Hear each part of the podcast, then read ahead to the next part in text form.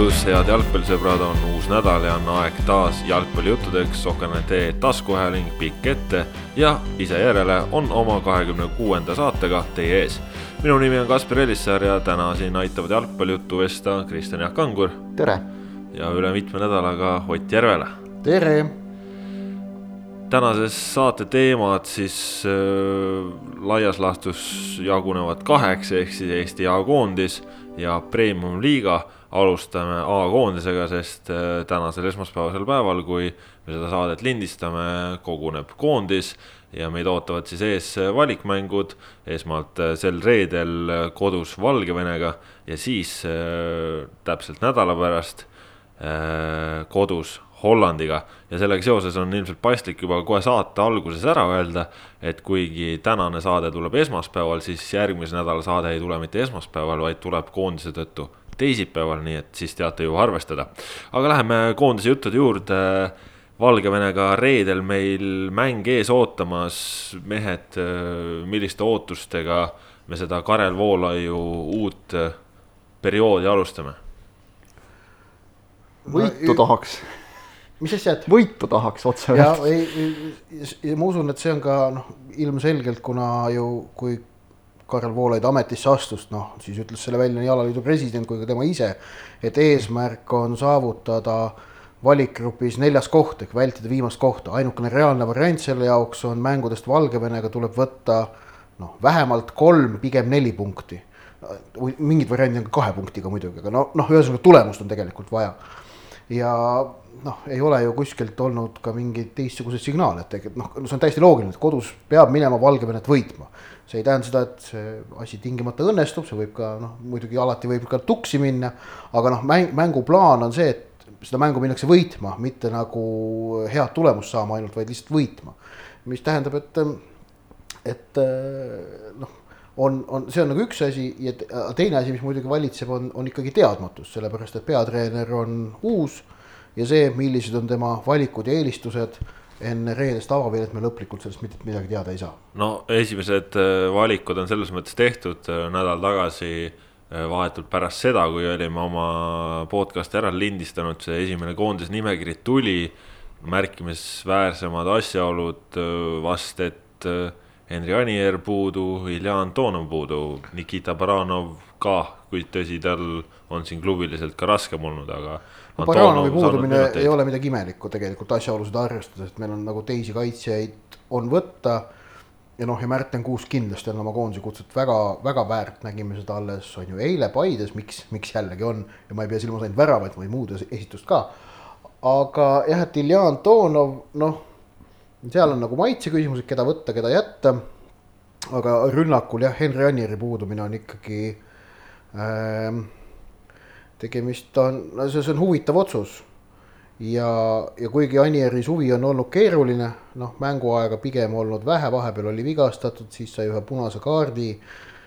siis äh, olles näinud möödunud nädalal kahte Erik Sorga mängu vahetult nii siis Nõmme Kalju kui Paide linnameeskonna vastu, siis äh, noh, ei midagi halba, aga paraku ka ei mitte midagi säravat, ehk et selline noh lõppteravus on praegu Sorga mängust puudu.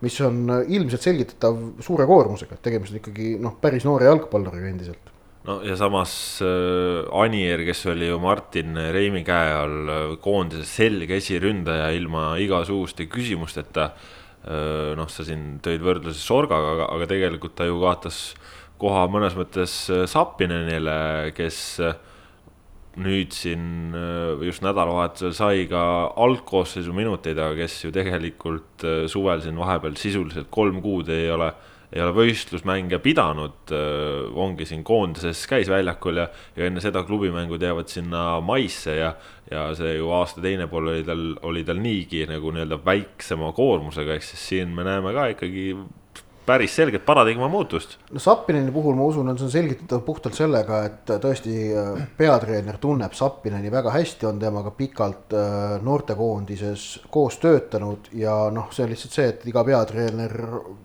teatud asju lihtsalt tahab oma käe järgi panna ja ja noh, Sappinen on selgelt see, et kes ilmselt võib nüüd arvestada sellega, et see, see on nüüd halvasti öeldud, aga, aga noh, paistab, et see, mida Voolaid ütles Sapineni kohta pärast äh, nende valikute tegemist, siis annab aimu, et Sapinen on mängija, kellel noh, tema näeb väga peaaegu alati rakendust. mis on noh, puhtalt see, et igal treeneril ongi omad eelistused. aga noh, kui see koosseis nüüd kõrvale jätta, noh, ma selles mõttes ise ikkagi nii palju ütleks, et minu jaoks see Antonovi puudumine jääb nagu kergeks üllatuseks, sest äh, Antonov äh, Armeenias on saanud mängima, on siin ka eurosarjas mänginud ja noh, muidugi see on, kõik on ju maitsete küsimus lõpuks, äh, igasugune mängijate valimine, treener ja versus jalgpalli üldsus, see ongi maitsete lahknevus, aga aga noh, me ju teame ka seda, et Eesti jalgpallurite valik ei ole lihtsalt äh, nii suur, et äh, jätta nagu mingisuguseid mängijaid kõrvale ja no muidugi võib küsida, et kas Antonov on sellise klassiga mängija äh,, kelle kõrvalejäämine on siis nii mõjus, aga. no Antonov aga... kaotas otseselt äh, duelli Vladislav Kreidale ja Mihkel Ainsalule. ja kaotus siin mõlemale on minu jaoks üllatus jah, see on keeruline koht, sest noh, nagu hakata siin neid mehi ükshaaval võrdlema, et, et noh, kui sa nüüd küsid, et kes siis, kas Ainsalu või Kreida oleks tulnud välja jätta. ma no, ütleks tean... Kreida mitte. jah, äh, ütleme, ma kalduksin ka pigem sinnapoole, aga, aga ma saan noh, üritan mõista nagu, mis võisid olla, olla Voolaidi valikud, otsused noh, põhjendused selleks, noh no, ilmselt... ta, ta, ta ütles, ta seletas seda ka, et Antonov oli seal tõesti nagu seal täiesti viimase piiri peal, et noh, ilmselt umbes üks viimane nimi võib-olla, kelle ta sealt lõplikust nimekirjast maha tõmbas. aga ka minu jaoks on see siiski kerge üllatus, sest et noh, argument, et siin Antonov on mingites mängudes tulnud vahetusest ta on ikkagi stabiilselt kogu aeg, olgu vahetusest, olgu algkoosseisus saanud mänguaega. no ja Ainsalu ju vahepeal ei mänginud, kui ta meil Norras käis ja nii edasi, aga noh, siin on, ma arvan, selle põhjus on seesama, mis Zappinen, Ainsalu Plus, mängis U kakskümmend üks koondises Voolajuga põhimehena ja pff, nii ongi. pluss, eks, pluss, eks ole, võtame lihtsalt liigade taseme vahed nagu ja, ja kõik need asjad. aga ilmselt, ilmselt sul on õigus, ilmselt see on see põhjus ja noh, treeneril on selleks õigus ja no ma usun, et äh, Kreida osas ei ole nagu väga küsimus, et miks teda Antonovile eelistatakse, et noh, tegemist ei ole ikkagi sama ampluaa mängijatega. Äh, aga et noh, siis Antonovit ja Ainsalut on võimalik rohkem võrrelda ning äh, noh, seal ütleme et Ainsalu jah, vahepeal käis küll ära, aga samas noh, kas või nüüd vaatad lõppenud nädalat või möödunud nädalat, siis Nõmme Kalja vastu oli Mihkel Ainsalu tõesti hea. ja, ja selle Kalju noh, noh vedas seda Flora mängu Paide vastu eile noh, mitte nii särava esitus, aga ikkagi korralik. et ähm, seal noh, Ainsalu hetkevorm on, on siiski päris hea, ma seal, seal või seda ei tasu samuti tähelepanuta jätta. Noh, ja lisaks on siis äh, tagasi Ragnar Klavan ka ja, ja ma arvan, selle kõigega seoses on ikkagi paslik natukene arutada ka seda, et kuidas Eesti koondis mängima hakkab, teame, Martin Reim ju siin oma viimases järgus noh, kasutas peamiselt sellist viis-neli-üks formatsioone või, või erinevaid variatsioone, kus meil taga kolm keskkaitset oli, Karel Voolaid, olgu siis öeldud, noortekoondistes üsna-üsna truult kasutanud neli-kaks-kolm-üks formatsiooni erinevate vastaste vastu, ehk siis. seal on siis ka väga tugevate jah, seejuures väga tugevalt ka, Hispaania vastu ja nii edasi. et no mina tahaksin loota, ma tõesti tahaksin loota, et äh, me mängime nüüd ka äh, taga neljase liiniga mis on ühest küljest mängijatele tuttavam, noh, kuigi siin võib juba öelda, et näiteks Ragnar Klavan, kes koondisesse tuleb, tema ju siin värskelt nädalavahetusel Interi vastu mängis äh, kolmemehelises äh, keskkaitseliinis ja, ja nii edasi, on ju. no Klavan on mänginud elu jooksul nii paljudes aga, liinides ja asetustes, et tal on ükskõik täiesti. aga tõesti jah, et eks see eks see neljane liin oleks nii-öelda tuttavam, samas kui me vaatame seda milline on mängijate valik äh, koondises, kui palju meil on keskkaitseid, siis äh, ei lõhna nagu selle järgi, et me peaksime taga neljaga mängima. ma nagu tahaks. keskkaitseid on viis, on ju.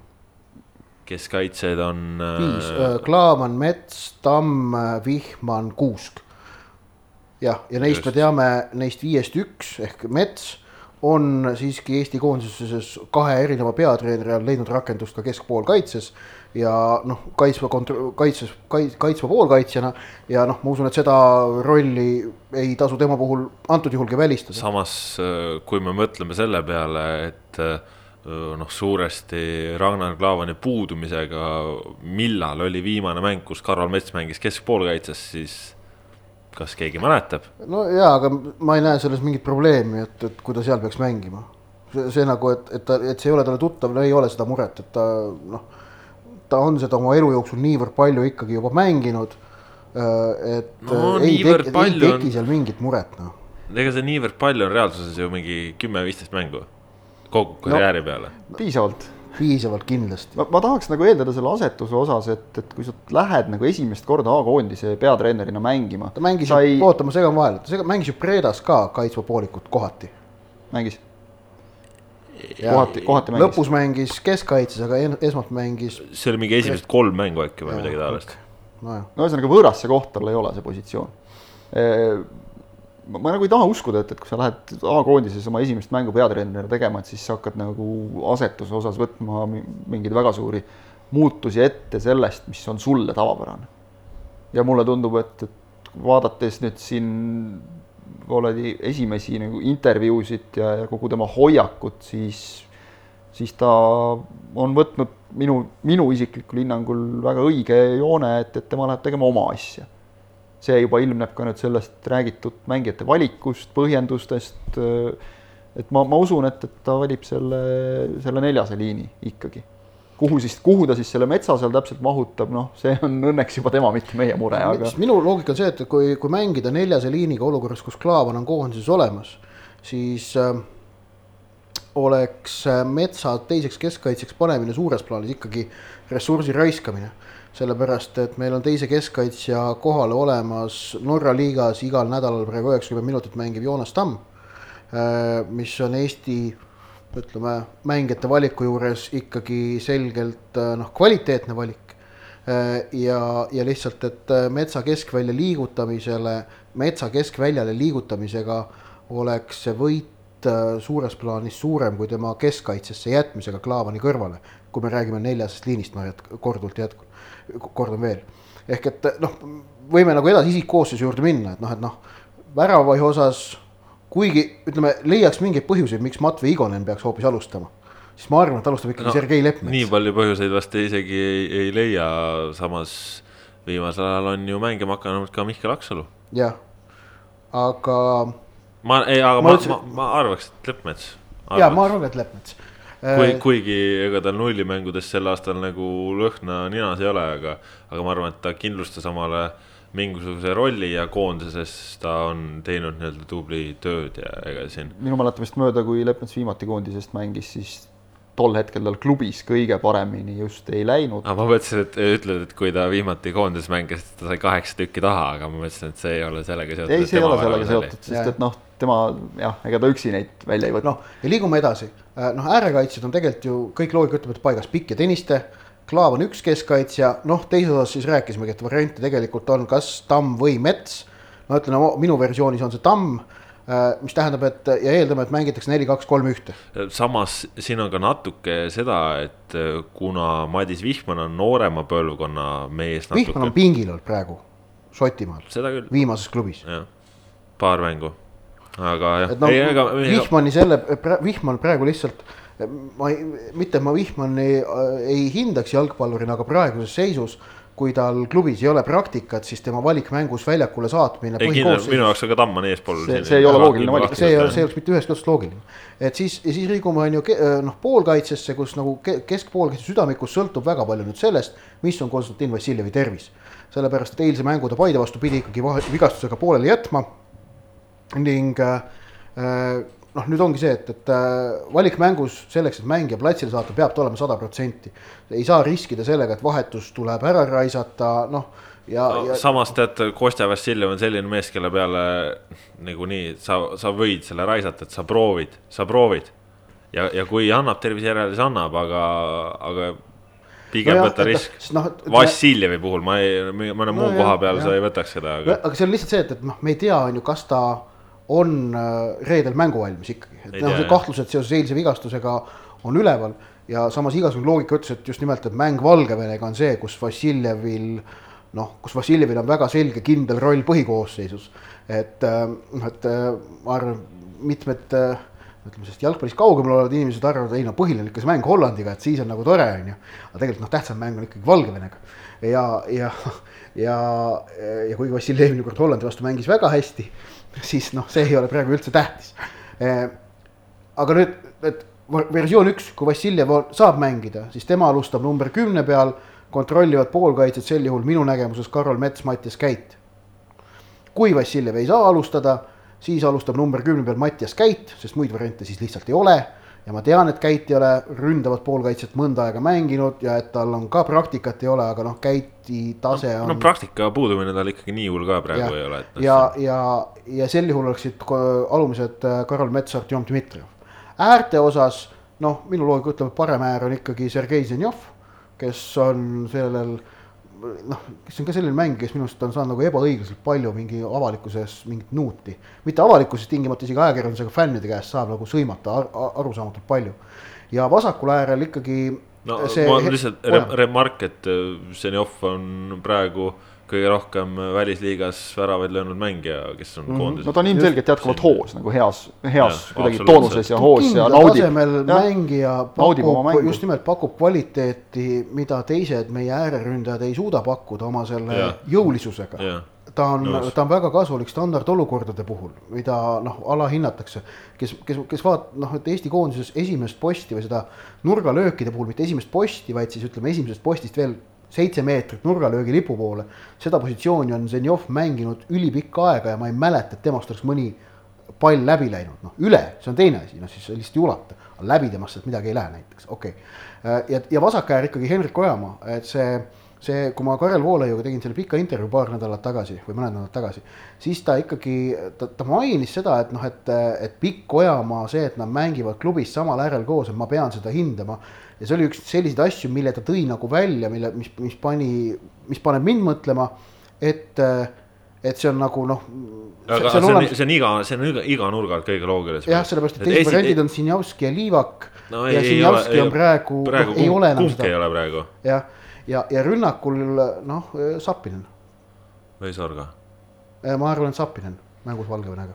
ma usun ka, et Sapinen sest et äh, see, see oleks loogilisem. eriti arvestades juba, mis ma Sorgalt olen see nädal näinud no.. eriti arvestades täpselt seda, mis, mismoodi Sorga on siin mänginud, Sorgal no, lihtsalt. koondis no, on, on tal tema jaoks uus hingamine et.... kumb, noh, okei okay,, on uus hingamine, aga sellegipoolest ma usun, et, et koondis no, on tema no, jaoks ka uus maailm. ei, seda Ehk, küll, aga Sappinen oleks, samas, oleks loogilisem valik. samas ütleme, nad on mängijatüübilt äh, natukene erinevad, Sappinen on niisugune rohkem kehasse, võtab palle, äh, Sorga pigem teeb avanemisi ja noh, siin ongi, et kuidas me siis mängida tahame, aga.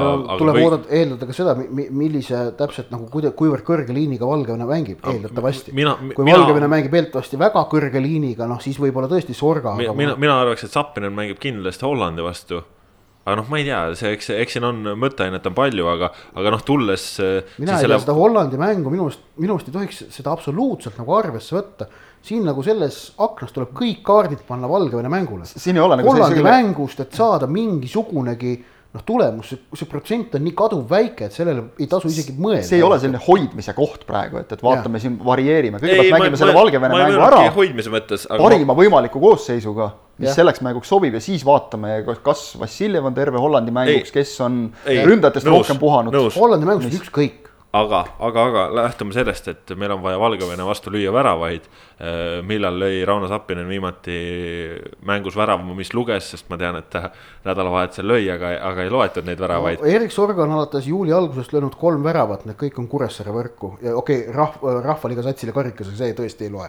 vaat see ei loe üldse aga no ütleme, ma arvan, et ta enesekindlus on ikkagi natukene kõrgemal praegu tead, minu meelest Sappineni enesekindlus on kõrgel, sõltumata sellest, kas ta lööb või mitte. see ei, seal nagu ei ole küsimust eriti, ma just see, seesama, see treenerile. Sorgal jäi praegu mängudes järjest Kalju ja Paidega löömata, ma vaatan seda asja niimoodi. minu meelest see treenerile tuttav, see aspekt räägib selgelt Zappinini kasuks, aga eks me näe. eks me näe, aga, aga tõesti see vasak äär no,, no. seal, seal on küll noh, ütleme Ken Kallaste on praegu huvitaval kombel oma uues klubis ka vajunud pingile, eks me siin koondise akna jooksul üritame selgust saada, mis seal täpselt lahti on, aga, aga noh pikk on, on igal juhul number üks ja, ja Ojamaa vasak äär igal juhul number üks ja arvestades, et nad on aasta aega koos igapäevaselt treeninud, siis see ja see, et kuna me räägime kahest just äärtest, siis seal tuleb see eriti välja, et kui me räägiksime, et üks on tipuründaja, teine on keskkaitsjana, siis me ei räägi sellisest mõjust, aga nendel on üks tööpõli, nendel on äh, konkreetselt väga tihe kokkumäng. no ma arvan, et äh, siin, siin ei saa küll küsimust olla, et kui, kui siin juhtub ja Ojamaa jäetakse välja, nagu ta siin ütleme Äh, Reimi käe all siin mingitel hetkedel jäi, siis see oleks ikkagi šokeeriv, sest äh, noh, lihtsalt mängija klassi arvestades, arvestades ka seda, et ta Vormi, po Poolas kogu. teeb ikkagi asju. ta kogu aeg teeb, ta iga voor teeb midagi, kui ta ise ei löö, siis ta teeb teistele, tekitab võimalusi, et, et alatasa on aktiivne, et noh, oleks, oleks tõesti, nagu sa ütlesid ka, et meie valik ei ole nii suur, et, et siin lubada endale luksust selliseid mehi sellises vormis olles kõrvale jätta aga siin ma ühe korra tuleks veel tagasi selle Karol Metsa teema juurde, et arvestades, millal me viimati mängisime neljas liiniga ja kui lihtsalt mõelda, äh, noh, sa rääkisid, et, et me ei saa mängijate kvaliteeti raisata, nii Ott, on ju, aga, aga kui sa mõtled, et meil oleks kaitseliinis Mets pluss Klaavan no. no., see kaitseliini kvaliteet tundub nagu veel kõrgem ja kaitseliinis kvaliteedi omamine tundub ülioluline, kuigi nad on mõlemad vasakjalgsed mängijad, aga ma ei arva, et see oleks probleem, sest nad on väga kõrgest klassist mängijad. see oleks vägev, sest meil on ikkagi Artjom Dmitrijev ka, kes on, no muidugi me ei tea, kuidas ta Karel Voolaiu ka kokku hakkab sobitama, ütleme, et Martin Reim leidis temast selle persooni ja, ja noh, tema on ju ka üks, kes välismaal Kasahstanis mängib pidevalt, mängib normaalselt. Mm, et noh, siin, no siin on, ütleme ongi, et ega see Voolaiu või Voolaidi käekiri hakkab siin ikkagi kujunema, et noh, tahes-tahtmata igal treeneril on isiklikud eelistused ja, ja need ei pruugi sarnaneda eelmise treeneri omadele, nii et ikkagi päris palju põnevust on õhus. Ja eks me, no ongi, et kui reedel es,, esimene selgus saabub siis, kui reedel laekub mängijate nimekiri, see on tund ja viisteist enne mängu algust, on ju ehk seitseteist nelikümmend viis ja teine selline hetk on siis ütleme kuskil esimese poole keskel, kui saab umbes ilmselt aru, kuidas Eesti meeskond mängib. ja mis on nagu plaan, kuidas rünnata, mismoodi, mis kaudu, millele panustatakse, millele mitte. et, et noh, et arvestades meie ründajate valikut, siis noh, pika palli löömine ilmselt on suhteliselt välistatud, et noh, kõrgeid palle nende kahe ei, ei Sappineni ega, ega Surga peale mängida nüüd ülearu palju pole mõtet. ei ole absoluutselt jah, et äh, siin on jah, ütleme, et see Anieri puudumine, see ikka ka lükkab ka kogu meie ründemängu täitsa uude valgusesse, sest noh, need ründajad on erinevad. aga saame näha, teeme võib-olla väikse selles mõttes ennustuse ka, et kas, kas siis võidame Valgevenet või ei võida tõenäolisem on variant, et me ei võida Valgevenet, sellepärast et jalgpallimängul teatavasti on kolm varianti, võidab üks, võidab teine või jääb mäng viiki ning see, et Valgevene võidab või mäng jääb viiki, nende kahe võimaluse kogusumma on kahtlemata suurem kui see, et Eesti selle mängu võidab. jube, kuidagi jube Joosep Süsilik vastus tundus olema. ma proovin, ma proovin lihtsamalt siis opti-, optimist minus loodab mingit kaks-ühe sarnast tulemust. realist kardab, ma ei tea, üks-ühte näiteks no mina ütlen küll, et üks Eesti. üks-ühte kartma ka ei pea otseselt. mina ütlen. no ikkagi nagu siis see jääks kuidagi, sõltub, kuidas ta tuleb muidugi, aga jääks ikkagi kripeldama. ma ütlen, võitu tahaks, noh, seda võitu oleks lihtsalt nii tohutult vaja, et, et noh, see mingi usk jälle taastuks mõneks ajaks vähemalt. mina, mina ütlen, Eesti koondis võidab kindlasti selle mängu põhjused peamiselt seotud sellega uus treener, uus hingamine äh, sügis, uus algus, äh, siis minnakse kooli ja nii edasi, kes ei lähe, kes läheb. Äh, aga, aga ongi uus hingamine mängijad on motiveeritud, puhas leht ja, ja mitte väheoluline põhjus on ka see, et mul on reedel sünnipäev, nii et ma ootan kingitust. see on kõige tähtsam põhjus, ma arvan. siis on selge, jah. siis on korras. see tuleb koondisele nüüd lihtsalt edastada ka selles selges, selges vormis ja sõnastuses, et palun, olgu tehtud. mul on ajaloost häid mälestusi, nii et üks võib-olla kõige kaalukamaid, kui me Põhja-Iirimaa alistasime siinsamas Lilleküla staadionil ka mu sünnipäeval ja siis sellele jätkus see, et põhja-iirlaste kaitsja Chris Baird. ma ei tea, kas toona mängis Fulhamis äkki, sõimas mind kuradi Matelliseks, sest ma naeratasin talle väga joviaalselt. milleks kuradi ma? Tellise, fucking prick. tellis jaa, see on tellis jaa, jaa, jaa. see on siuke ehtne, ehe briti solvang, ütleme niimoodi. tellis. aga, aga see selleks äh, Hollandi mäng, äh, teeme siis sellega niimoodi, et äh, räägime sellest järgmises saates, kui see mäng on läbi, sest äh, siin on praegu liiga palju teadmatust, et siin midagi no,. sisuliselt kõik on teadmata, sellepärast noh, seal sõltub väga palju ikkagi ka sellest Valgevene mängust, et noh, me ei tea, kas seal tulevad mingid vigastused, mängukeelud, asjad. noh, kõik, kõik see on ju lahtine ja üleval, nii et, et jah noh, siin on ennustused öeldud äh.... seda küll, et noh, et musta huumorit tehes võiks nagu võtta eesmärgiks siis teha parem skoor, kui oli naistekoondisel. no loogika vastu. ütleb muidugi, tähendab, loogika ütleb, Eesti võidab Hollandit kaks-null.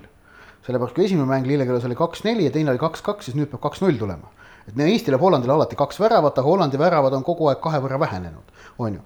aga, et see on selline vana hea loogika, aga, aga aga mul on. ma igaks juhuks rõhutan, rõhutan lihtsalt... siinkohal, et jook, mida Ott äh, tarbib hetkel, on alkoholivaba jätkuvalt. ja, ja, et äh, vaata häda on selles, et need kaks eelmist Hollandi mängu loovad sellele esmaspäevasele matšile, ma kardan. täiesti, täiesti ebareaalse konteksti, mis on noh, täiesti nagu as-, pole absoluutselt asjakohane. et see on nagu ühelt poolt, aga teisalt siis nagu me teame, jalgpallil äh, kui nähtusel on komme oma müüte äh, toita ja taastoota. ehk et äh, noh, ei saa üldse välistada, et nende kahe eelmise mängu noh, kõik see, mis seal nendes mängudes on juhtunud. ega kõik mängijad, kes väljakule lähevad, teavad neid, ka Hollandi mängijad, noh. Nad, nad, nad, nad küll ei ole enamik selles, nendes kummaski mängus osalenud ja seda esimest nad enamik neist ei mäletagi. mõned olid napilt sündinud siis aga nad teavad, mis on siin juhtunud ja selline asi, noh, me oleme jalgpallis varem näinud, sellised asjad võivad hakata mõjutama, aga suures plaanis muidugi tõenäosus, et Eesti esmaspäeval Hollandile ei kaota, on kaduvväike aga samas äh, meil on ka üks äh, hea põhjus jällegi, miks meil võiks minna hästi, lisaks kõigele sellele, et meil on väga palju positiivseid emotsioone.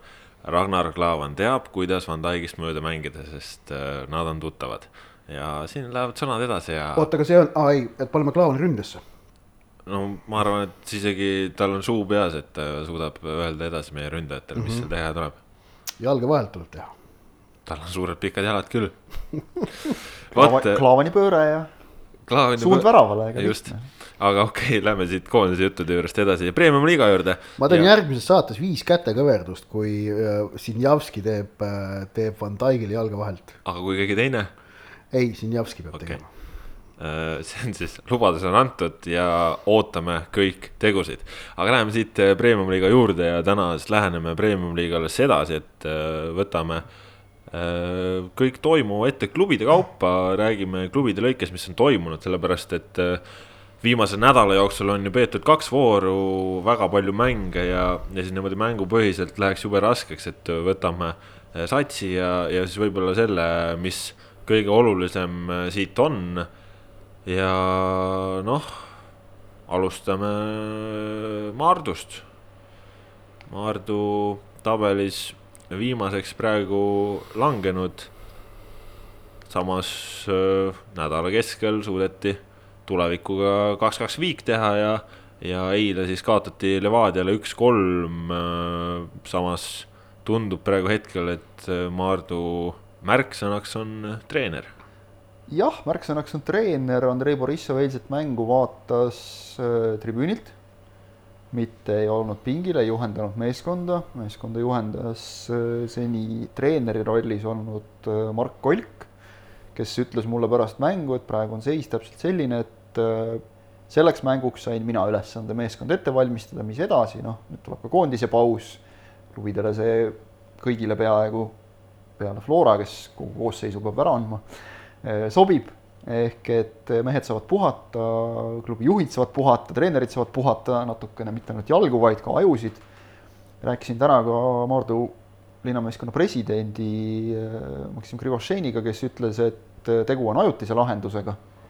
Eh, noh, nagu ikka, selliste asjade nüansid jäävad sageli omavahele. aga kinnitas ta igatahes, et, et ei ole kuskile saadetud ära Andrei Borissovit. Et noh, hetkeseisuga kõige tõenäolisem on see, et, et kui pärast pausi mängud jätkuvad, siis on Borissov jälle meeskonna juures. Maard on tegelikult mänginud äh, viimastes mängudes ju väga korralikult, nagu sa ütlesid, tulevikuga kaks-kaks viik äh, mäng, mis oli taas selline, nagu need tagumise otsa viimased mängud on olnud, et, et mõlemal on tähtis punkte mitte kaotada. ei kaotanud kumbki. väga võitluslik mäng.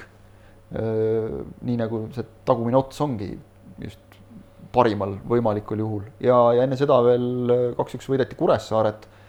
et noh, see, et siin vahele tulevad jälle sellised null-viis Paidele ja üks-kolm Levadiale, kus, kus tegelikult eilse Levadia mängu skoor nüüd ka kaugeltki ei peegeldanud jõudude vahekorda.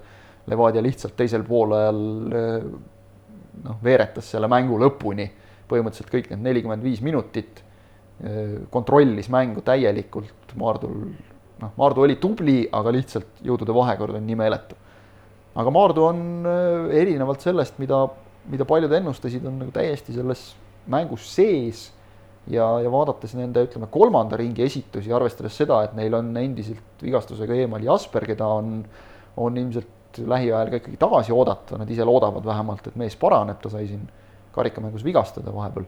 ei ole viimastes mängudes mänginud, kusjuures tulemusi on võetud hoolimata sellest, ka ilma temata et see Maardu, Maardu on kindlasti meeskond oma noh, ütleme ikkagi, mida ma, olen rääkinud vist terve hooaja, et, et neil on see niisugune tuhh on, on olemas vajalikul hetkel, et on, on saanud oma asjad toimima küll ja, ja, ja minu silmis jätkuvalt ikkagi märkimisväärne kandidaat püsimajäämisele, kui ma võrdlen neid näiteks Tallinna Kaleviga jah, ütleme nendel see suviste täienduste mõju on ikkagi väga-väga selge. Vlad Tšurilkin kaitses, Erik Grigorjev tulnud, Antonavitsus, leedukas, väga hästi tulnud peale. sügavust on juurde no, tulnud natukene, Jasper, eks ole. Jasperist no, rääkimata on ju. sügavust on juurde tulnud ja, ja meeskonnas on tekkinud minu meelest mingi selline positiivne sisemine konkurents, et, et see alati aitab aga lähme sealt edasi, Kuressaare edestab tabelikeses õige napilt Maardut, nendel siis nädal selline, Dmitri Kalašnikov, uus treener, tegi oma kojumineku nii-öelda Narva, Transilt kaotati, Transilee kaotati kaks-neli. Plotnikov võttis valanguga vastu kohe.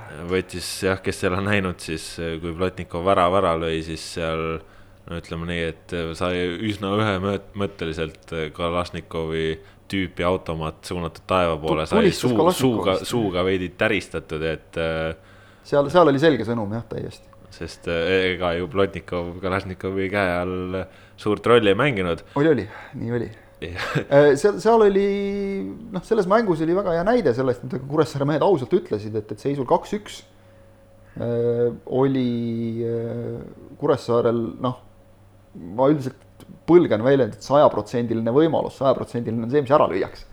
aga oli, ütleme siis üheksakümne üheksa protsendiline võimalus äh, pall väravasse saada ja jäeti löömata ja selliseid võimalusi tegelikult seal noh, üks-kaks raisati veel. seal oli jah, sihuke lubavatel hetkedel äh, jäeti ise löömata ja Kalašnikov pärast mängu seda ka ütles, et. just, ja Trans pani vastu. ja see on sama asi, mis oli mängus ka Tammeka vastu, pärast Täpselt. mida ma rääkisin Kalašnikovsiga ja siis ta ütles sedasama me peame need olukorrad ära lööma, sest kui me seda ei tee, siis me ei saagi nii-öelda. Kuressaare, Kuressaare on jätkuvalt premium-liiga kõige, minu meelest, kui ma nüüd ei eksi, kõige vähem väravaid löönud meeskond, endiselt.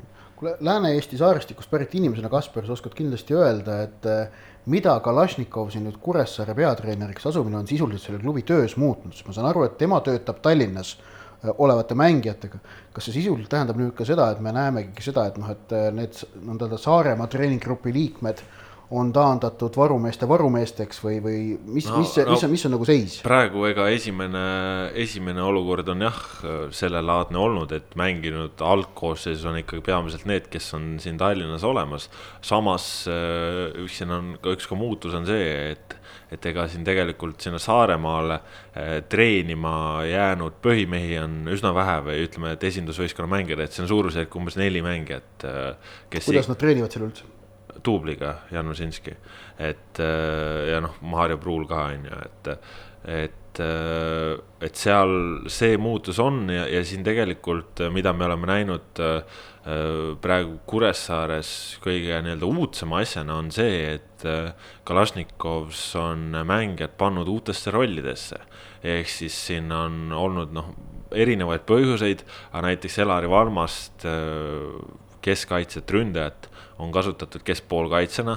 keskpoolkaitses on tema kõrval kasutatud äh, kiiremat äh, Rasmus Saart, kes on olnud muidu ääremängija äh, ja, ja ütleme, et siin äärekaitsesse on pandud Sander Seeman, kes oli selline noh, ikkagi noh, ütleme võib-olla ikkagi... Kuressaare oma sihuke Aleksandr Dmitrijev. ta oli ikkagi puhtalt talumine. Kalašnikovile, ma eeldan, et tähendab Kuressaarele tuleb nüüd kasuks ja ka Kalašnikovi ülesannet päästa meie klubi liiga koht äh,. seda tõenäosust suurendab tõik, et Eestis mängitakse hooaega kevad-sügis, mitte sügis-kevad.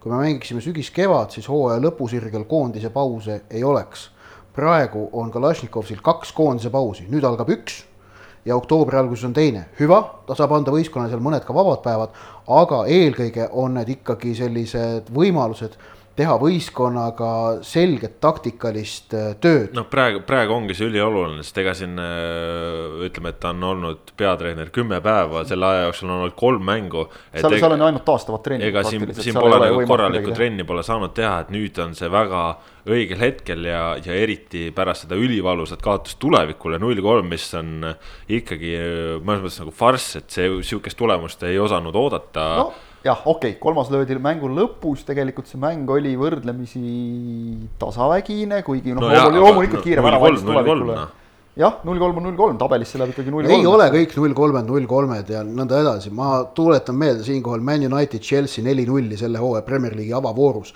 No see mäng ei olnud elu sees neli-null, see on maailma kõige vähem veenvam või ebaõiglasem neli-null. seda küll, aga, aga pannes konteksti okay,, et. ma ei vaadanud tulevikku Kuressaaret, ma ei oska öelda. et Kuressaarel. aga ma pidin seda ära ütlema. et Kuressaarel, ütleme, see enesekindlus liiga laes ei ole, siis nendel on hädast vaja õnnestumist ja mis on eriti oluline ka nende jaoks püsimajäämise kontekstis nende hooaja lõpp, viimased neli vooru on äh, tabeli ülemise otsa satsidega. ehk siis nad peavad just, oma punktid võtma ära varakult. ja, ja, ja, ja, ja kohe võtma. Ja rõhutan seda, et, et äh, neil on kõigi lähikonkurentidega võrreldes üks mäng rohkem peetud. ehk et noh, sealt ka veel, eks ole, tuleb, tuleb natukene nii-öelda miinust juurde see null kolm, see skoor skooriks, noh, kui hästi lihtsalt sõnastada tuleviku ja, ja, ja Kuressaare mäng, siis ühel on Kaimar Saag, teisel ei ole. nii lihtne ongi, okei okay,, ütleme, see on väga meelevaldne võrdlus, aga et Kuressaare Kaimar Saag on Sander Laht aga, aga Laht, noh, me teame, tal on olnud siin tervisega muresid, et, et no, ega, ega see, on... see ei olnud see Laht väljakul, kes, kes nagu võtab ja teeb, nagu ta on sel hooajal no, teinud. no ma olen, ma olen öelnud seda ka ju mitmel pool, et, et Laht on, on isegi öelnud, et ta lihtsalt noh, tahaks, aga ei ole seda liikuvust veel sees, et, et ta ju tegelikult tuli natuke isegi liiga vara olude sunnil peale, et oleks pidanud saama rohkem puhata ja noh, ütleme eks saame näha, tundub, et, et nüüd ikkagi siin väravalööjat otsides Laht uuesti tipuründesse läheb. see võib olla käik, mis, mis mõjutab igatahes Kuressaare tõesti, peab kõvasti tööd tegema ja, ja Kalasnikov seal seisab ikkagi suur ülesanne ees. sest äh, Tallinna Kalev ka tabelis siis Kuressaare ees kaheksandal kohal äh, siin äh, saanud natukene kaotada, kaotada Paidele null kaks, kaotada Transile null kolm, aga samas ütleme, Paidega null kaks kaotus selline, kus, kus koosseis oli üsna teisemaiguline. jah, ja teisest küljest jälle noh, teame, suured valed, väiksed valed statistika, aga ma siiski tooksin ühe asja välja, mis mulle Instati numbrit vaadates silma jäi, oli see, et äh, näiteks äh, mis on sageli väiksema meeskonna trump suurema, tugevama vastu, ehk siis Kalevil Paide vastu võiks olla standardolukorrad. Vaatasin huvi pärast Instati seda, seda vooru ja äh, standardolukordadest rünnakud, selline kategooria on seal ka olemas, noh, kiired vasturünnakud, standardolukordadest rünnakud on üks neist. ja järgmiseks madalamad numbrid olid seal kaheksa ja üheksa, kaheksa oli vist näiteks Nõmme Kaljul äh, Flora vastu, vooru kõrgeimad olid, äh, oli see Maardu ja Tuleviku omavaheline mäng, kus vist ühe, ühel oli neid üheksateist, teisel kakskümmend. Kalevil oli neid kaks ehk noh, see nagu näitab ära, et kui me nüüd räägime nendest skooridest, mida see peegeldab, et null kaks ei olnud täpselt nagu ei olnud tegelikult eilne mäng Maardu Levadia üks-kolm mäng, vaid ütleme ka selline üks-viis mäng mängupildi poolest, siis, siis samamoodi noh, okei okay,, nagu sa ütlesid, seal oli sisuliselt noh, pool koosseisu duubel.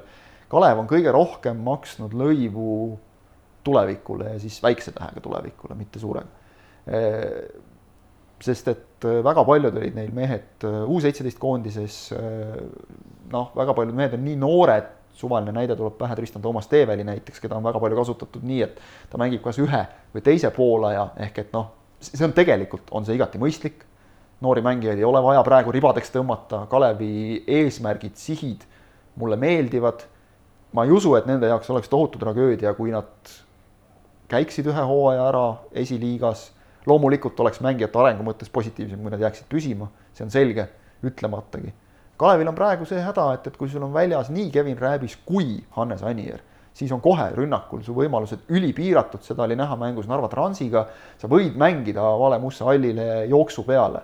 Sa võid talle mängida ka pikki palle, mis oli ka väga huvitav taktika Roman Nesterovski vastu näiteks. väga raske on tal seal. Alli tegi väga tublit tööd, aga näiteks kui sa mängid talle ka jooksu peale, tal ei ole ees toeks mitte ühtegi füüsilist tugevat ründajat tugevamate meeskondade vastu, no siis on see asi suhteliselt lootusetu no,. Kalev... rääkinud praegu kolmest võistkonnast, kellel kõigi seis on päris halb ja no ja, ja. Kalevi mure on ikkagi. igaühel omad mured, aga. ikkagi noh, selgelt jah, et, et terve hooaja vältel ei ole saadud Rääbist ja Anieri kasutada nagu püsivalt, et nad tulevad teevad mõned minutid, natukene rohkem minuteid, siis juba alustab võib-olla siin rääbis näiteks ja siis kiirelt uuesti tagasi, lööb kiiresti jälle mõlemad puudu.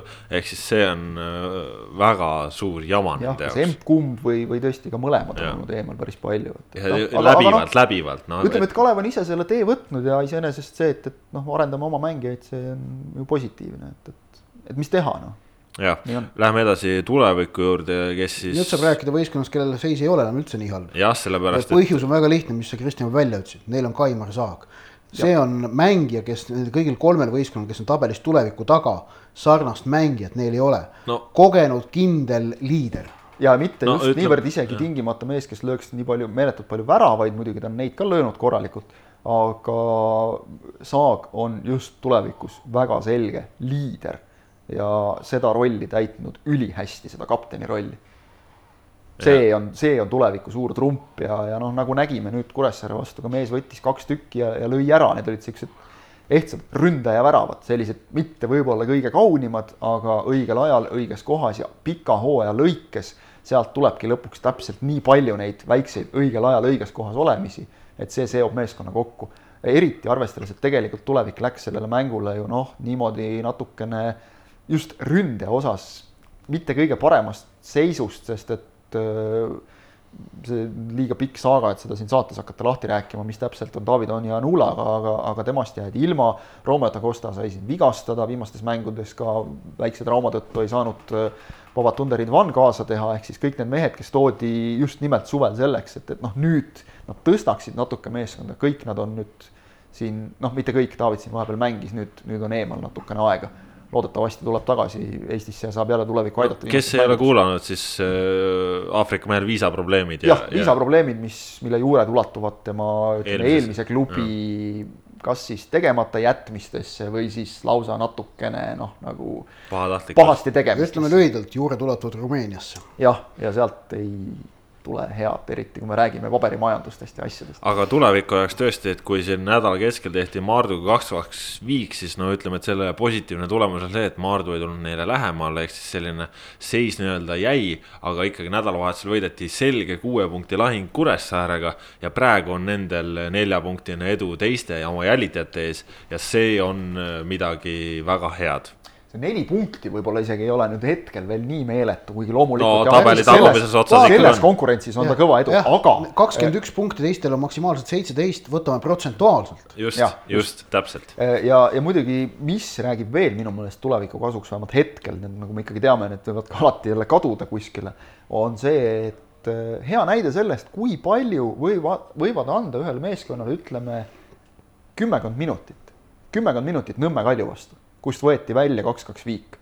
see tõstis tulevikku emotsionaalselt, nad olid ka suhteliselt augus tegelikult. olid, olid. tõstis nad sealt emotsionaalselt üles, sellele järgnesid, mis oli ülioluline enne mänge otseste konkurentidega, täpselt nagu sa ütlesid, kõige tähtsam Maardu vastu oli ka neile mitte kaotada, sellega saadi hakkama, nüüd saadi ka veel võit tabelisse. kõik toimib, võtke, vaadake Rainer Peipsi viimast väravat Kuressaare vastu, mis oli küll puhas formaalsus. mõnis jooksis nelikümmend viis minutit, nelikümmend viis meetrit, siis tegi kaitsjale lihtsalt efektse pöördega ära ja, ja pani ülitäpse palli võrku, siis tegi sellise näo, et mida te muud ootasite ehk et äh, enesekindlus on praegu tulevikul üleval, ma usun, et, et noh, nende jaoks võib-olla tuleb see koondise paus ka Tartu Tammekale. võib-olla need on kaks meeskonda, kelle jaoks tuleb koondise paus kõige halvemal hetkel. aga läheme siit edasi Narva Transi juurde, Trans, kes jäi siin oma treenerist ilma ja pärast seda, kui Xiomini on läinud, on, on saadud ilusaid tulemusi nädala keskel, siis Kuressaare alistati neli-kaks nädalavahetusel nüüd Tallinna Kalev kolm-null ja Transi jaoks noh, need on need kohustuslikud mängud olnud, kus on vaja olnud võita ja, ja on võidetud need punktid niimoodi, et, et peatreeneriks on Oleg Kuroškin, kes enne, ütleme, eelmist nädalat üle-eelmist nädalat ei olnud esindusmeeskonnaga sisuliselt kokku puutunud. no ta on Transis puhtalt praegu tegeleb lastegruppidega.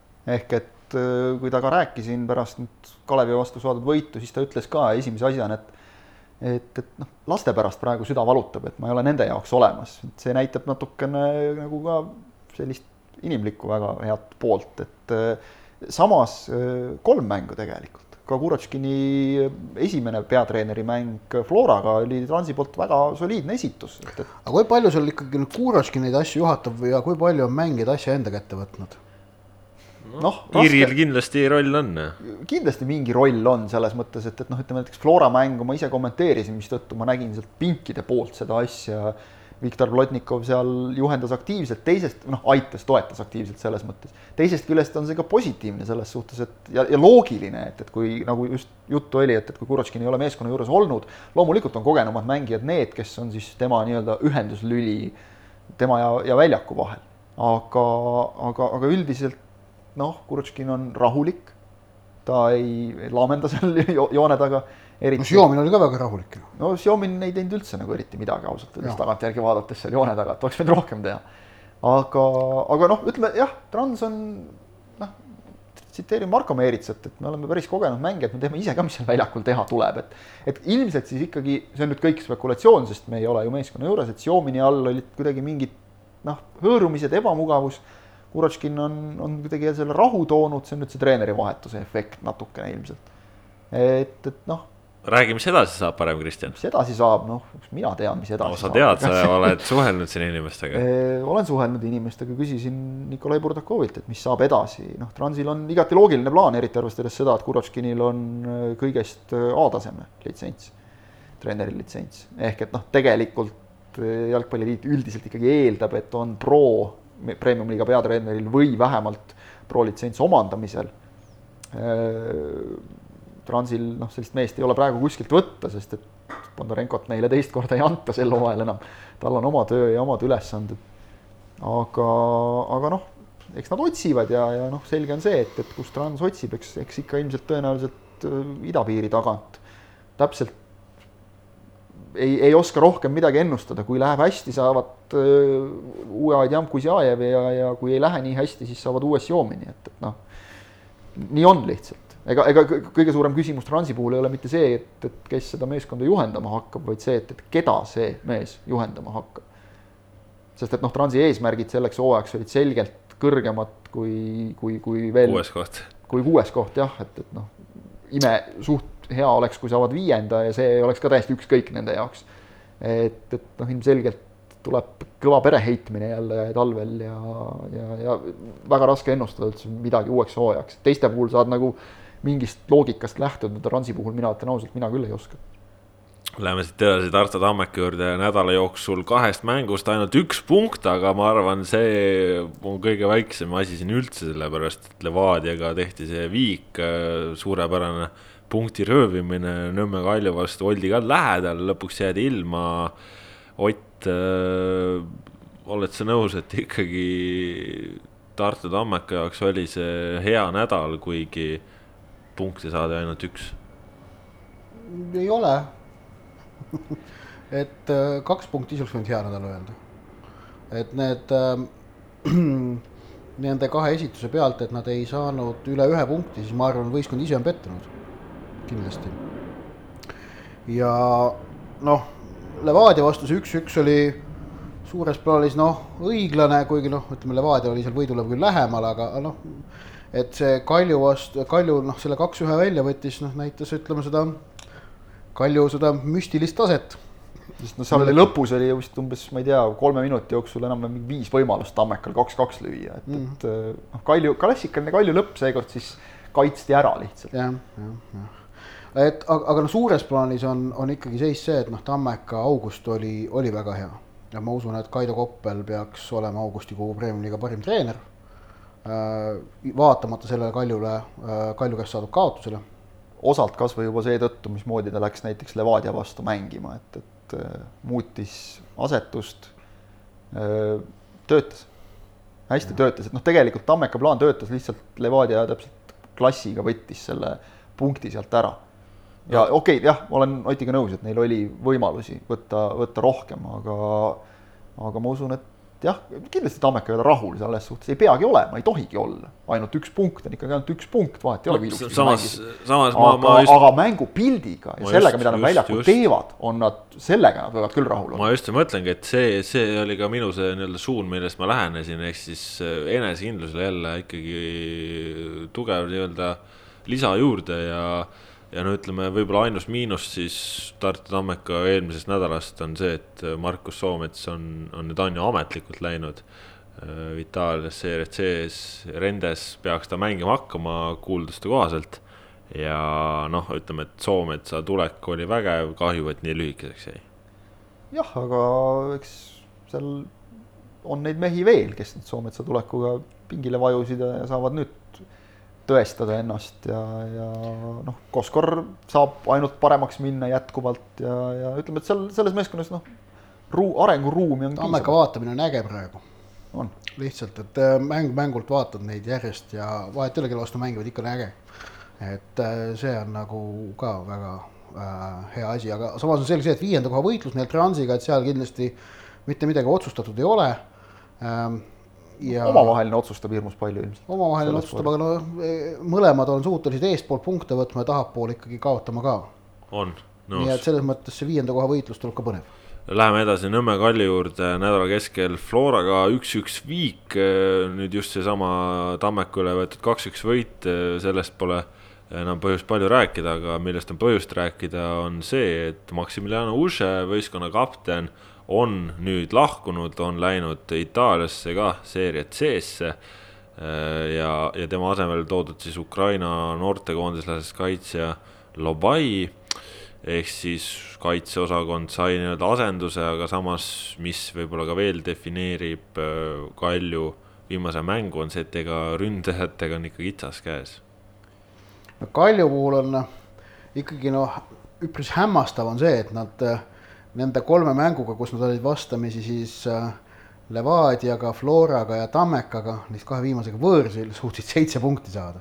et see tundub siiamaani üpriski hämmastav ja noh, on, on meeskonnale, äh, meeskond tuleb sellest kõvasti kiita muidugi, et nad suutsid selle olukorras, kus just tõesti Udžest ju jäädi ilma nende mängude eel sisuliselt. Äh, noh, Udže tegi neist kolmes mängus kaasa lõpuks kuus minutit Flora vastu ründajana. et, et nad suutsid seal need punktid kätte saada ja noh, pronksivõitluse osas on kõik, kõik lahti ja, ja Uche osas, et selle ülemineku osas, et, et ma möönan, et seda üleminekut on keeruline hinnata. ja, aga seda üleminekut saab hinnata umbes jõulude paiku, et siis me saame aimu, mis on Uche roll selles uues Kotsa-, meeskonnas Kotsanos, kuhu ta läheb ja mis on selle Kotsano tase selles Serie C põhja alagrupis või A alagrupis. et siis me saame natukene aimu, et mis mida see üleminek endast kujutas mina hindan selle ülemineku selles mõttes loogiliseks, et uh, Uche leping oleks talvega lõppenud ehk Kaljul oli viimane võimalus tema eest midagi saada. ja teisest küljest, nagu ta Otile intervjuus avaldas, siis perelisa on oodata ja noh, on, on suhteliselt loogiline, et et, et nii-öelda uut ajajärku elus on, on lihtsam ja, ja on soov alustada kodumaal ja et leping on see, et kui keegi mäletab, eelmise aasta lõpus äh, Kalju teadlased sõlmisid Udžega kaheaastase lepingu. et nüüd Udže endaga rääkides, siis äh, itaallane ütles ikkagi, et see leping oli üks pluss üks ja optsioon oli mõlemapoolne. ehk et kolmekümnendal novembril oleks saanud Udže Kaljust lahkuda täiesti niisama. nii et et noh, Kalju, Kalju poolt ka loogiline. ilmselt praegu. Kalju mingi kompensatsiooni sai, pigem ikkagi üpris väikese. Ma vaatan praegu huvi pärast jäi silma Tammeka ja, ja Kalju mängu, siis tea, see on ka päris kõnekas, et, et mitte ühtegi vahetust Kalju poolelt kuigi tegelikult äh, pingil äh, noh, Max Mata oli näiteks olemas või ka Aleksandr Volkov no, või ka seesama Max, Max Mata pole nüüd mänginud pärast vigastust. Lobai, et, et noh, jah, see, see võib olla hea, et, et siit ütleme ikkagi Flora vastu noh, välja tuldi. see ei olnud võib-olla kõige mängupilti vaadates kõige loogilisem, aga nagu sa ütlesid, et noh, kui sa tulemuse ära võtad, siis sa oled kiitust väärt, et ega siin selles mõttes Kaljut maha ei ole mõtet teha, et. valitsev meister suutis mängus Floraga sooritada kaks peallööki, esimese kuuekümne kuuendal ja teise kaheksakümne esimesel minutil, sellest piisas. sellest piisas ja see on Kalju efektiivsus, mis on äh, neid kandnud aga lähme edasi Paide juurde, nädala keskel siis nagu öeldud, Tallinna Kalevi üle kaks-null võit, äh, nüüd nädalavahetusel üks-üks viik Floraga ja oi, kuidas nad Flora vastu tahtsid enamat. oi, kuidas tahtsid enamat. tahtsid, aga no eks üks-üks oli jällegi aus tulemus tolles mängus. ma ütleks, et mõlemad poolajad võitis see meeskond, kes seda rohkem vääris, et Paide ja. oli parem esimesel poolel, Flora oli parem teisel poolel, et Paidel üks asi, mis neid ikkagi veel lahutab, mis on siin ka eelmistes suurtes mängudes silma paistnud, on see, et, et päris üheksakümmend minutit ei õnnestu mängida täpselt nii, nagu hirmsasti tahaks, et, et nelikümmend viis on nad võimelised täiesti hullu panema, nagu, nagu Flora vastu. ja ütleme isegi võib-olla kuuskümmend, aga vot kuskilt sealt tuleb selline väike langus, aga see on, see on mingis mõttes loomulik, et, et noh, ei, ei ole nii palju nii häid valikuid ja, ja, ja noh, võib-olla ka see nende selline eriti Floraga mängus ilmnenud nagu tohutu aktiivsus tempo, press, et noh, lõpuni seda hoida ei jõua veel. et natukene sellist sellel tasemel järjepidevalt mängimise, ütleme ka tarkust, ma mõtlen just meeskonnana indiviididena on see ju olemas. et seda veel võib-olla natukene vajab ja võib-olla vajab seda ka natukene Zahhovaiko, sest et noh, Paide on teinud tohutu hüppe edasi. mänguliselt noh, jällegi ma ütlen, Kalju võtab oma materjalist maksimumi, aga, aga, aga mänguliselt ongi praegu top kolm meeskonnat Levadia, Flora ja Paide. Ja samas äh, noh, nüüd on ikkagi Paide jaoks üks kalp ka juures, nüüd on siis sel hooajal kõikidelt võistkondadelt punkte võetud, Flora oli seni ainus, kellelt neid ei olnud saadud, nüüd see üks punkt on käes. Ja üks punkt on äh, käes osati tänu meister Vargale Andrei Frolovile taas sai omale värava, mida ta ise ei löönud, aga kuhu ennast vahele sättis, nii et no,.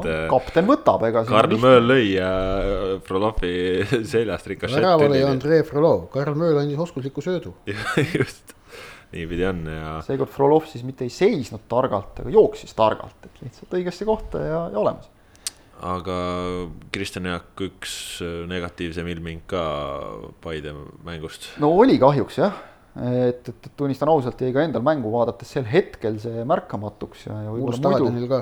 no enamikul jäi ilmselt sellepärast, et Flora oli just löönud värava. pall oli väravavõrgus. Erik Sorga läks just. seda sealt võtma.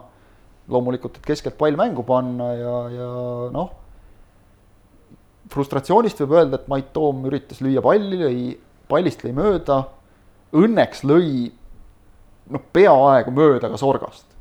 riivakas oli, aga muidu ei teeks sellest võib-olla juttu, kui see oleks esimene kord. saame aru, oled just välja võtnud, pettumus, noh, negatiivne emotsioon, aga kahjuks on see teine kord juba sel hooajal, kus selline asi juhtub. esimene oli kevadel äh, Viljandis sealse tuleviku vastu, kui äh, kui äh, Toom äsas jalaga Kaimar Saagile, siis kohtunikud nägid, midagi vist nägid, karistasid kollasega, nagu noh, ilmselt on ka õige sellises olukorras. Äh, noh, tegelikult oli puhas punase kaardi koht. Äh, nüüd kohtunikud ei näinud, neid ei saa selles süüdistada, vähemalt mina ei süüdistaks, sellepärast et sel hetkel ilmselgelt on fookus noh, mujal, värav on just löödud noh, kohtunikud kohtunik, kohtunikud kohtunikeks ja kõik see, aga, aga selline asi noh, lõpuks lihtsalt üks kohtunik näeb. ja see võib Paidele väga-väga valusalt kätte maksta. kusjuures ei saa veel väita, et ei ole maksnud, sest me ei tea, sest et noh, kas algatatakse mingisugune distsiplinaarmenetlus selle kohta või mitte. noh, mis ilmselt Toomi praegu siin päästab, on see, et, et ta ei saanud vastasmängijal pihta. Ma ei ole kindel, et tema soov oli nüüd tingimata, noh, ma ei tea, sorga vigaseks lüüa või midagi sellist, kaugel no, sellest. ilmselt tõenäoliselt tahtis ka palli minema lüüa. tõenäoliselt tahtis palli minema lüüa, aga noh, see on nagu natukene see, et sa pead noh, nagu vaatama, kus ja mida sa teed, et, et lihtsalt jutu mõte on see, et, et Paide on endale nüüd saanud üle päris mitme hooaja tugeva esiväravavahi, tõesti Eesti mõistes hea väravavahi, kes ka Flora vastu mitu korda väga heade tõrjetega päästis ja on terve selle hooaja jooksul korduvalt Paidet päästnud. Ei ole mõtet ise seda eelist maha mängida, sest et varupingilt ei ole kaugeltki nii häid tegijaid võtta. ja ehk siis no lühidalt öeldes, Mait Toom, kui sa kuulad, siis ära tõmba iseendale sitta kaela, et äh, sa oled näidanud, et suudad seda teha, sa oled hea jalgpallur, tegele sellega, et äh, tee oma põhitööd ja, ja kõik on hästi, et ma, ma saan aru, emotsioonid ja kõik, aga noh, kuidagi peab neid kontrollima, natuke rohkem kontrollima. Läheme edasi Levadia juurde. Nüüd. Äh, Levadia, ma arvan, on omadega väga, väga õnnelik, et nad pärast äh, kaotust Kaljule ja viiki Tammekaga leiavad end ikkagi olukorras, kus äh, kõik on nende kätes. kõik on nende enda kätes, sellepärast et kui Levadia kõik ülejäänud mängud võidab, on nad Eesti meistrid. kaasa arvatud siis jah, omavahelise Floraga, praegu on, praegu ollakse küll võrdsetel punktidel, Floral mäng vähem peetud, aga, aga omavaheline ees ootamas. jah, ja kuna Eestis sel aastal on nüüd reegel, et omavahelised määravad äh, võrdsete punktide reegel, kohal äh, äh, teist aastat, okei okay., selle meistri või noh, üldse kohad, siis kuna praegu on see, et Levadia omavahelistes mängudes on punktid kuus-kolm Floral, aga väravate vahe on viigis siis kui Levadia viimase mängu võidab, on nad igal juhul väravate vahega plussis omavahelistes. nii et selles mõttes jah, et kui Levadia võidab kõik alles jäänud mängud, on nad Eesti meistrid. Aga muidugi seda ei juhtu, et nad kõik võidavad, et ma usun kindlasti, et seal viimases voor, viimases ringis mõlemad äh, liidrid kaotavad punkte. ka väljapoole seda omavahelist mängu. No mina eile vaatasin äh, sellest Levadia Maardu mängust viimast kahtekümmet minutit äh, suure lootusega äh, näha, kuidas mängib Bogdan Mašuk, kuidas Levadia rünnak jookseb ja ma lihtsalt äh, sain nii halvad kakskümmend minutit jalgpalli, et tõesti, kui siin premium-liiga vahel särab suurepäraste lahingutega, siis see oli nagu totaalne antireklaam mitte midagi ei toimunud väljakul, Levadial ei olnud isegi sihukest äh, tunnet, et nad tahaksid jalgpalli mängida.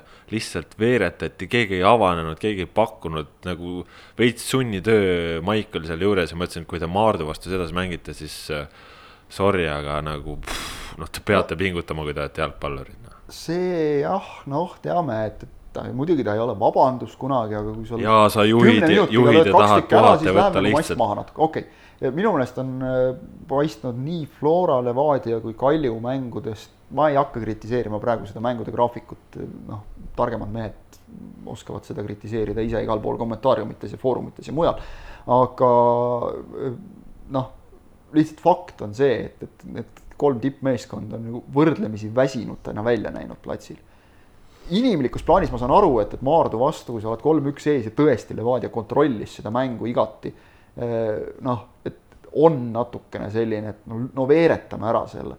aga, aga samas olen no, ma, ma sinuga muidugi nõus. ma oleks rahul lihtsalt sellega. ma olen sinuga muidugi nõus nagu jah, et, et, et noh, oleks ma Aleksandr Rogic, siis ma ka ilmselt teeks pärast kurja häält, et palun hoiame selle toonust nagu üleval. noh, see on siuke kõrval. see, kui me võime siit vist otse nagu Flora peale üle minna, et ma. ma nagu... ütlen ühe asja ära, muidu ma unustan, et, et ma kasutan võimalust ja, ja avalikult vabandan Rasmus Peetsoni ees, kes kelle ma võtsin eile pärast mängu intervjuule, kes oli umbes teise küsimuse poole pealt sellise näoga, et ta kukub kohe pikali lihtsalt jala pealt, et väga vabandan, Rasmus, et ma kiusasin sind tema lollide küsimustega, sest et ta tõesti üheksakümmend minutit, tema oli küll üks mees, kes, kes andis endast kogu aeg väljakul igas olukorras kõik ja ja, ja möllas ja, ja, ja lammutas, nii et, et ma, ma püüan järgmine kord lühemalt teha ja jõudu sulle, aga lähme siis nüüd edasi. ja siis Flora peale minnes ma alustan sellest, mida Jürgen Henn mulle eile ütles pärast mängu, et, et ta arvab, et see nagu väsimus ei ole niivõrd mitte väga füüsiline, kuivõrd just vaimne. ja, ja ma ise tegelikult noh, see on, see on, see on tegelikult päris loogiline päris loogiline isegi ja, ja kui meenutada eelmisi hooaegasid, siis on, on see seis umbes sama, et ega me ei ole ju näinud septembris või oktoobris seda, et võistkonnad oleksid omadega äh, noh, väsinud ka tippvõistkonnad. et, et aga küll aga praegu on see, et see suvi on olnud äh, nõudlik nõudlik eriti Kaljule ja Florale, noh, Levadiale natukene vähem, ma mõtlen euro, Euroopa pärast ja ja, ja jah, sellest Valustorge. rütmist väljasaamine on ilmselt asi, mis on vajalik. aga austorge. mõlemale. jah, ja ka noh, Flora jah, siis ütleme ikkagi jah, aga noh, uskumatu, et, et see premium-liiga on meil praegu selline olnud, et äh, järjest siin nagu võidumeeskonnad äh, mängivad selle nimel, et ma ei taha meistriks tulla, et kõigepealt Levadia, siis Tammekast jagu, siis Flora käkib oma asjad ära, see on nagu see, keegi ei taha meistriks tulla. okei okay,, Flora käkk, ma olen nõus, oli see mäng Kaljuga, mille arust pidanud võitma mängupildi järgi, noh Paide vastu eilset mängu oma käkiks ei saa nimetada. see oligi viigimäng, et, et, et jah, jah lepikut on Floral vaja, Floral oleks väga vaja teist ründajat ette, et saaks varieerida, et praegu neil noh, on näha, et nii mõlemas mängus nii Kalju kui Paide vastu oleks olnud Floral seda käiku, et nad vahetavad ründaja ära mingil hetkel. et noh, tuua sinna uus, uus nagu värskus, uus äh, nägu äh,, aga seda ei olnud praegu jah. peas on jah kinni kiilunud minu meelest nagu natukene, et, et tehakse mingeid siukseid samu rutiine nii-öelda, et, et noh, jah, ühest küljest nüüd mehed lähevad koondisesse, et noh, füüsiliselt nad puhata ei saa, aga, aga ma usun, et, et kasvõi noh, A-koondise meestele enamikule see annab sellise vaimse boost'i nagu, et, et see peaks aitama küll. nojah, ja muidugi no, enamik koondislasi jäävad siiski mänguajata. jah, ka seda muidugi, jah. et või, äh, või saavad seda mänguaega selle minimaalselt, pool, minimaalselt, jah. aga noh, siin on äh, ka ikkagi oli, ütleme eile hetkeks näha, kui Vassiljev ikkagi välja võeti, siis kuidagi nagu tema on Flora jaoks nii A ja O ja et ma arvan Flora peab küll praegu kümne küünega lootma, et see Vassiljevi vigastus on Võib-olla tõesti väga, väga, väga, väga kerge ja, ja et ta ei jää eemale, et kui ta peaks siin ütlema, et juhtub olema mingi halb asi ja mingi kuu aega väljas, siis. võib-olla ongi liiga, liiga A ja O seni olnud, ma ei tea, et noh, äkki on liiga palju tema otsa vahitud, seda on selle hooaja jooksul minu meelest Flora ise ka tunnistanud, et noh, siin on nüüd küll viimastes voorudes ei ole selliseid mänge päris olnud, aga hooaja jooksul on, on mänge, kus tahaks nagu noh mängu vaadates ka juba öelda, et miks te topite nagu ainult ühele mehele palli kogu aeg, et te oskate ju ise ka rünnata, et, et noh, pluss ja miinus nagu alati koos. vot sellised jutud siis äh, klubide osas premium-liigaga seoses ka selline asi, et äh, tänases saate Sokkernet.ee portaalis valida augustikuu ilusamat väravat ja neid väravaid olid tõesti väga ilusad, mis seekord valikusse mahtusid ja valikust jäi välja ka nii et äh, tehke seda ja meil on ka veel kuulaja küsimus. aa ah, jaa, ma lihtsalt tahtsin ennem kui me veel ennem kuulaja küsimuse, äkki, äkki kahe sõnaga tuleks minu arust tunnustada veel ka Eesti jalg, naiste jalgpallikoondist. Äh, EM-valikmängu eest Hollandiga. et null seitse oli, oli tulemus, ausalt öelda mina kartsin oluliselt suuremat Olemat, kaotust sest me mäng-, mängiti ju ikkagi valitseva Euroopa meistri mm hõbedaga aga see oli kaunis vaimustav ja inspireeriv vaadata, kuidas Eesti naiskond otsustas võtta viimast võimalusest panna ennast proovile maailma parimate vastu ja tegid seda niimoodi, et lihtsalt võitlesid, võitlesid nii nagu jaksasid. kõik mängijad, noh, mitte kellegi osas ei jäänud kahtlust ka, et nad oleks kasvõi sekundikski kaotanud kontsentratsiooni. lihtsalt tasemevahe oli selline, see on nagu spordis ikka, aga Eesti naiskond võitles vägevalt, et seda oli, seda oli ilus oli vaadata. ausalt ja, ja see ja see ka, kuidas, kuidas pärast nagu naiskonda noh, nii mängu ajal kui ka mängu järel naiskonda tunnustati, siis see jõudis väga selgelt kohale ka kõigi nende ligi kahe tuhande inimeseni, kes olid tulnud seda mängu siia vaatama ja ausalt väga vinge. oma, ja omakorda nende tunnustus ilmselgelt jõudis mängijateni, mis annab neile indu, et siin tuleb arvestada seda, et, et kui noh, mõneti isegi võib-olla mõistetavad sellised reaktsioonid, et noh, kuidas saab null seitse kaotust nagu kuidagi kiita või nimetada heaks. tuleb aru saada, et naiste jalgpallis need käärid on tegelikult tohutult palju suuremad. et, et noh, sisuliselt oli tasemevahe oli suurem, meeste... kui mängiksid Brasiilia ja Vanuatu meeskonnad. just, et kui näiteks ütleme, meeste puhul on ikkagi selge see, et kui rahvuskoondised kohtuvad Euroopas, siis on noh, profid versus profid. üldiselt isegi kõik need, keda me siin nimetame nendeks kalameeste meeskondadeks ja, ja kõigiks nendeks, noh, see päris nii ei ole, et, et mehed tulevad no, Fääri saarte mängijad on juba kõik profid, noh, San no, Marinol ja Gibraltaril mõni amatöör veel on. aga noh, see, see on ikkagi see, et, et kui on mäng, siis nad valmistuvad selleks nagu professionaalid, umbes ei ole nii, et, et mees võtab kell viis õhtul kontoris lipsu eest ära ja siis läheb otse mängule sealt, et, et noh, siin on ikkagi selles mõttes nagu profid versus profid, aga naiste puhul noh, võib ikkagi öelda, et Eesti naiskond professionaalse suhtumisega amatöörid, ütleme ikkagi otse ja see tegelikult, et võeti sellest viimast, oli sisuliselt ainus asi, mida rõhutas mulle korduvalt peatreener Jarmo Madikaine, kui rääkisin temaga enne mängu, et. see oli ainuke asi, mida siis mängust võtta sai ja see võeti ära. ja see tuligi võtta ja see võeti.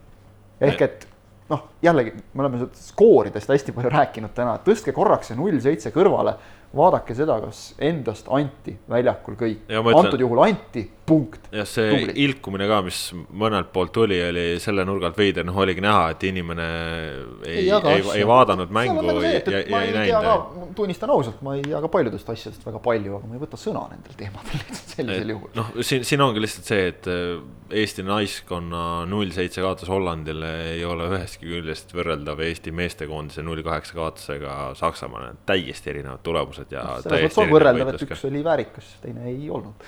jah, lihtsalt, lihtsalt ongi, et, noh, et, et see, see tulemus. see ongi, vaat no see ongi see, see vahe just, just., üks oli väärikas mäng, teine ei olnud, kõik. ja nüüd siis äh, läheme veel ka kuulaja küsimuse juurde, hea Paul on meilt uurinud sellist asja, et kui mängija lööb peale ja telepildist on näha, et see ründaja oli selges suluseisus, mis oleks Varri poolt tõenäoliselt ära võetud, aga kohtuniku lipp jääb alla, siis kas see pealelöök läheb statistikasse kirja ja, ja ma arvan, et siin on vist vastus küll, et kui ametlikult suluseisu ei fikseerita, siis statistikasse läheb löök kirja. no oma poolt kontrolliksin küsimusega, et miks see tähtis on? noh, statistikutele ilmselt on tähtis, eks ta, eks ta nii ongi. pealelöökide statistika, noh see on jah, selline. ärge selle..., ärge jääge statistikasse kinni. ei, aga selle nurga alt on ju ikkagi oluline, et äh, Varri tulek on jalgpalli muutnud ja. selles mõttes jah, loogiline küsimus, et, et noh, tekitab, tekitab inimestes huvitavaid küsimusi. jah, sest äh, Varr on ikkagi jalgpallile väga huvitava näo andnud. ei, aga, aga suluseisu fikseerimine käib ju lihtsalt see, et, et kui kohtunik seal suluseisu näeb, siis ta tõstab lihtsalt lipu hiljem. ta ei jäta seda tõstmata. just see on Varri äh, reeglistik, näeb ette. peakohtunikul antud olukorras, kui löök läks väravast mööda, on õigus lihtsalt ignoreerida seda suluseisu lippu, kui ta soovib ja lasta pall mängu panna väravalöögist väga ei ole. või ei ole? ei, ei ole, ei ole, ei ole. seal, seal olukorras. jaa, seal on see, et kui kohtunik ikkagi, kui siis abikohtunik hiljem tõstab, ta laseb episoodi lõpuni mängida, nagu Varri see noh, ütleme reglement ette näeb ja siis, äh, kui tema meelest oli ennem sulgu, siis tõstab ikkagi lipu püsti ja mäng jätkub vaba löögiga. ja, ja kui ta ütleme, et äärekohtunik ei näinud seda, siis. suluseisu. jah, siis. siis, siis on, siis on noh, noh nagu jalgpallis ikka, kui äärekohtunik ei näe, siis on, siis ei ole noh. ja, ja Varr ja Varr seejärel ei sekku ja see löök lähebki statistikasse kirja sest see oli möödalöök. Varr, Varr sellisel puhul ei sekku, sest väravat ei olnud jah, seda pole vajagi jah, me ei taha ju, et ta sekkuks seal. lihtne vastus, keerulisele küsimusele. noh, aga nüüd on see vastatud, nii et kui kellelgi on veel äh, jalgpallialaseid küsimusi, siis küsige ikka. me vist hakkame otsi kokku tõmbama vaikselt, ma ütleksin, ütleksin ära ühe asja, et sooviksin avaldada äh, jõudu, äh, toetust, jõudu tublidele ERR-i spordireporteritele, kes nagu oleme saanud lugeda Rahvusringhäälingus täiesti vägisi vastu enda tahtmist on sunnitud kajastama jalgpalli, premium-liiga jalgpalli. et, et me mõistame teid, me toetame teid ja me teame, et, et teile tegelikult meeldib seda tööd teha, et äh, tegelikult asi ei ole üldsegi absoluutselt nii hull. ja ega vist rohkem ei olegi midagi öelda. avad äkki tausta ka natuke või? tervitan Priitu ja soovilugu ei ole seekord jätame selle sinnapaika. ja suuvoodriteks me vist ei pea keegi oma kolleegide eest kehastuma, nii et kõik teevad oma tööd väga hästi, ma usun vot, aitäh, et kuulasite, selline oli kahekümne kuues saade ja siis tuletan veel kord meelde, et järgmine saade ei tule mitte esmaspäeval, vaid tuleb teisipäeval, siis kui Eesti koondis on oma mängu Hollandiga pidanud. nii et püsige ikka Sokkenete lainel, aitäh, et et äh, olite, tänase saate tõid teieni Kaspar Elisser, Kristjan Jaak Kangur ja Ott Järvela, nii et adjöö. Tšutšu Frei. head aega